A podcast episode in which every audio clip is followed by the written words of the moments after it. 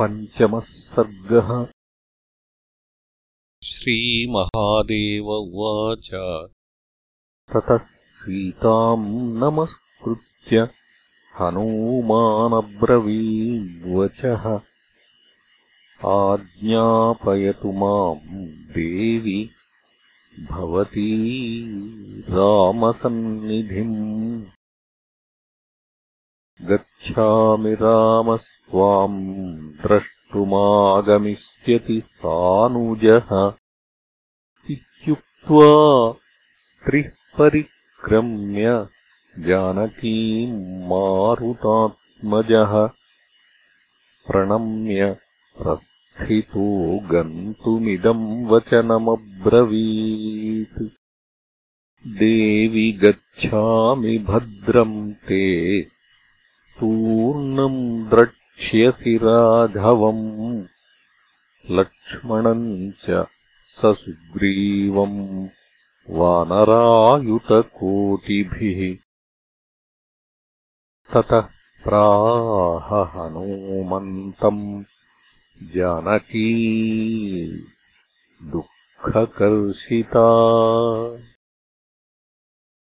त्वाम् दृष्ट्वा विस्मृतम् दुःख दुःखमिदानीम् त्वम् गमिष्यसि। इतः परम् कथम् वर्ते? रामवार्ताश्रुतिम् विना। यद्येवम् देवि मे स्कन्धमारोह क्षणमात्रतः रामेण योजयिष्यामि मन्यसे यदि जानकी। सीतोवाच सागरमाशोष्य बद्ध्वा वा शरपञ्जरैः आगत्य वानरैः सार्धम् हत्वा रावणमाहवे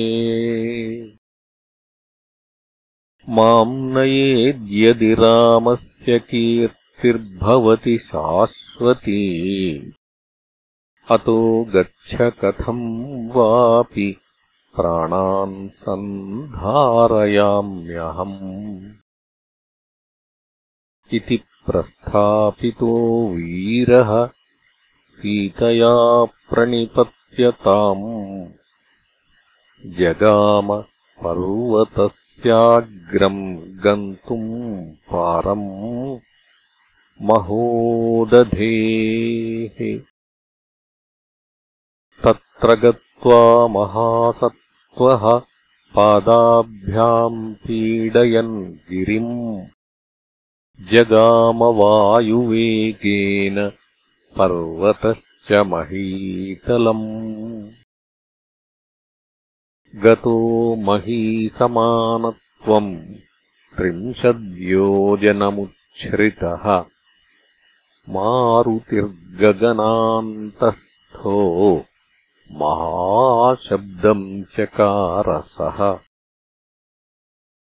तम् श्रुत्वा वानराः सर्वे ज्ञात्वा मारुतिमागतम् हर्षेण महताविष्टाः शब्दम् चक्रुर्महास्वनम्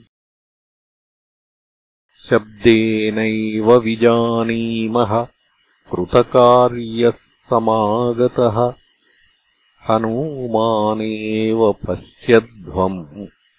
वानरा वानरर्षभम् एवम् ब्रुवत्सु वीरेषु वानरेषु स मारुतिः अवतीर्य गिरेर्मूर्ध्नि वानरानिदमब्रवीत्। दृष्टा सीता मया लङ्काधर्षिता च स कानना सम्भाषितो दशग्रीवः ततोऽहम् पुनरागतः। इदानीमेव गच्छामो रामसुग्रीवसन्निधिम् इत्युक्ता वानराः सर्वे हर्षेणालिङ्ग्यमारुतिम्।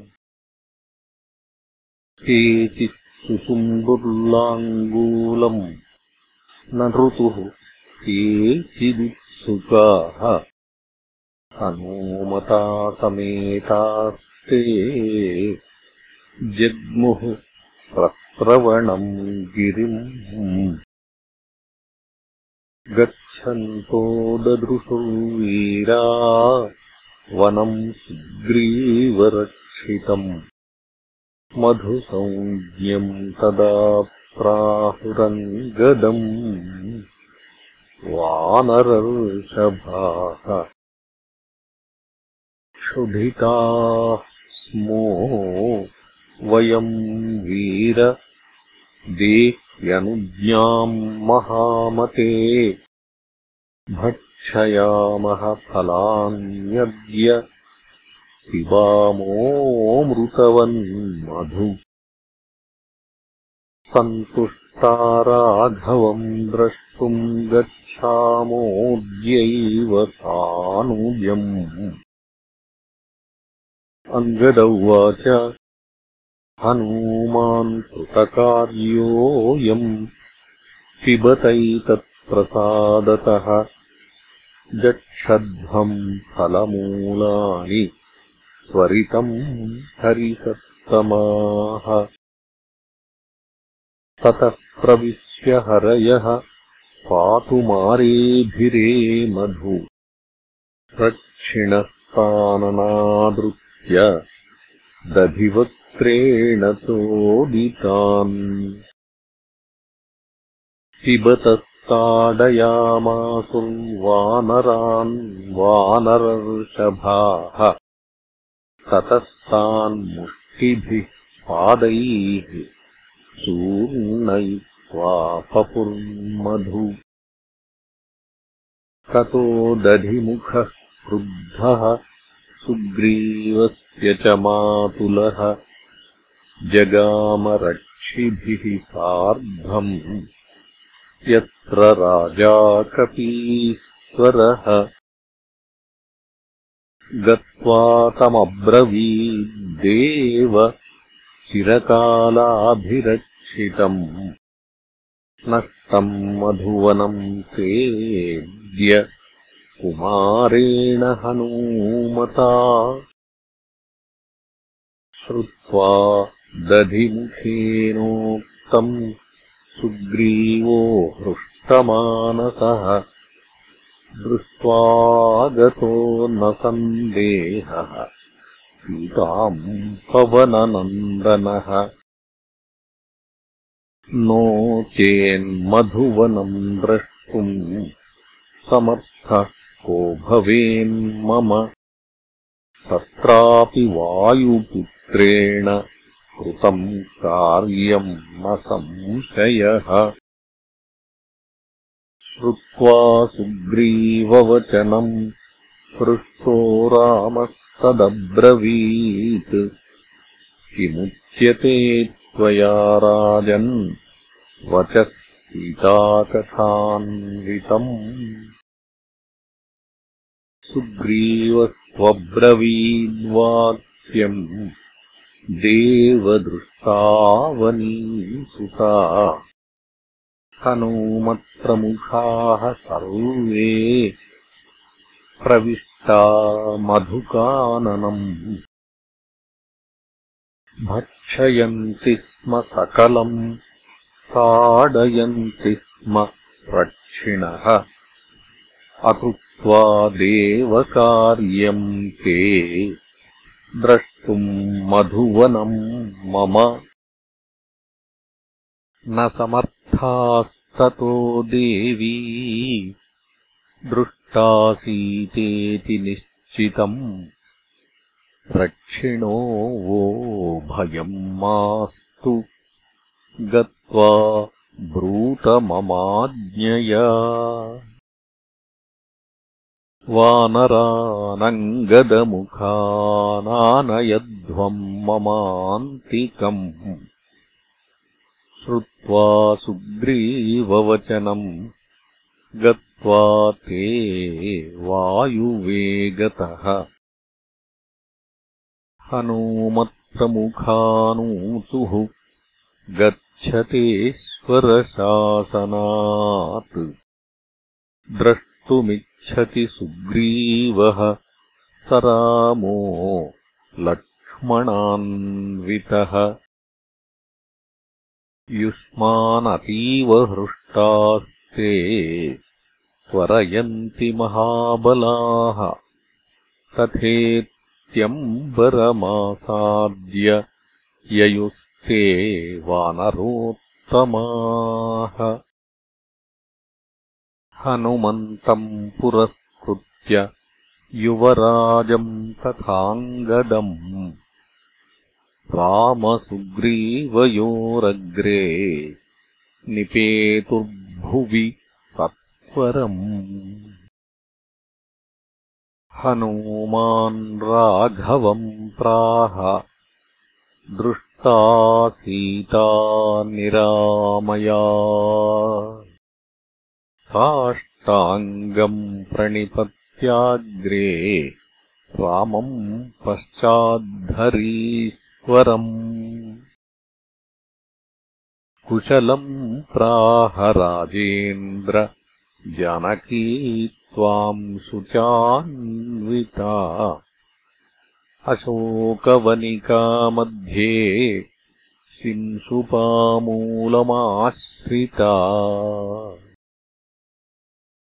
राक्षसीभिः परिवृता निराहाराकृशा प्रभो हारामरामरामेति शोचन्ति मलिनाम्बरा। एकवेणीमया दृष्टा शनैराश्वासिता शुभा। वृक्षशाखान्तरे स्थित्वा सूक्ष्मरूपेण ते कथाम् जन्मारभ्य तवात्यर्थम् दण्डकागमनम् तथा दशाननेन हरणम् जानक्यारहिते त्वयि। सुग्रीवेण यथा मैत्री कृत्वा वालिनिबर्हणम्। मार्गणार्थम् च वैदेह्यः सुग्रीवेण विसर्जिताः। महाबला महासत्त्वा हरयो जितकाशिनः गताः सर्वत्र सर्वे वै तत्रैकोऽहमिहागतः अहम् सुग्रीवसचिवो दासोऽहम् राघवस्य हि। दृष्टा यज्जानकी भाग्यात्। प्रयासः फलितोऽद्य इत्युदीरितमाकर्ण्य सीता विस्फारिते क्षणा। केन वा कर्णपीयूषम् सावितम् मे शुभाक्षरम्। यदि सत्यम् तदायातु मद्दर्शनपथन्तु सः ततोऽहम् वानराकारः सूक्ष्मरूपेण जानकीम्। प्रणम्य प्राञ्जलिर्भूत्वा दूरादेव स्थितः प्रभो। पृष्टोऽहम् सीतया कस्त्वमित्यादिबहुविस्तरम्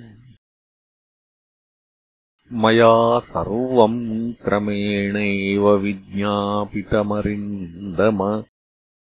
पश्चान्मयार्पितम् देव्यै भवद्दत्ताङ्गुलीयकम् तेन मामतिविश्वस्ता वचनम् चेदमब्रवीत्। यथा दृष्टास्मि हनुमन् पीड्यमानादिवानिशम्। राक्षसीनाम् तर्जनैस्तत्सर्वम् कथय राघवे मयोक्तम् देवि रामोऽपि त्वच्चिन्तापरिनिष्ठितः। परिशोचत्यहोरात्रम् त्वद्वार्ताम् नाधिगम्य सः। इदानीमेव गत्वाहम् स्थितिम् रामायते ब्रुवे। रामः श्रवणमात्रेण सुग्रीवेण स लक्ष्मणः वानरानीकपैः सार्धमागमिष्यति तेऽन्तिकम् रावणम् सकुलम् हत्वा नेष्यति त्वाम् स्वकम् पुरम् अभिज्ञाम् देहि मे देवि यथा माम् विश्वसेद्विभुः। इत्युक्ता सा शिरोरत्नम् चूडापाशे स्थितम् प्रियम् दत्त्वा काकेन यद्वृत्तम् चित्रकूटगिरौ पुरा तदप्याहाश्रुपूर्णाक्षी कुशलम् ब्रूहि राघवम्। लक्ष्मणम् ब्रूहि मे किञ्चिद्दुरुक्तम् भाषितम् पुरा। तत् क्षमस्वाज्ञभावेन भाषितम् कुलनन्दन तारयेन्माम् यथा रामस्तथा कुरु कृपान्वितः। इत्युक्त्वा रुदती सीता दुःखेन महतावृता मयाप्याश्वासिता राम वदता सर्वमेव ते ततः प्रस्थापितो राम। त्वत्समीपमिहागतः तदागमनवेलायामशोकवनिकाम् प्रियाम् उत्पाट्यराक्षसांस्तत्र बहून् हत्वा क्षणादहम्। रावणस्य सुतम् हत्वा रावणेनाभिभाष्य च। लङ्कामशेषतो दग्ध्वा पुनरप्यागमम् क्षणात्। श्रुत्वा हनुमतो वाक्यम् रामोऽत्यन्तप्रहृष्टधीः। हनुमंस्ते कृतम् कार्यम् देवैरपि सुदुष्करम् उपकारम् न पश्यामि तव प्रत्युपकारिणः। इदानीम् ते प्रयच्छामि सर्वस्वम् मम मारुते। इत्यालिङ्ग्य समाकृष्य गाढम् वानरपुङ्गवम् सार्द्रनेत्रोरघुश्रेष्ठः पराम् प्रीतिमवापसः। हनुमन्तमुवाचेदम् राघवो भक्तवत्सलः। परिरम्भो हि मे लोके दुर्लभः परमात्मनः। अतः त्वम् मम भक्तोऽसि प्रियोऽसि हरिपुङ्गव। यत्पादपद्मयुगलम् तुलसीदलाद्यैः सम्पूज्य विष्णुपदवीमतुलाम् प्रयान्ति। तेनैव किम् पुनरसौ परिरब्धमूर्ती। रामेण वायुतनयः कृतपुण्यपुञ्जः इति श्रीमदध्यात्मरामायणे उमामहेश्वरसंवादे सुन्दरकाण्डे पञ्चमः सर्गः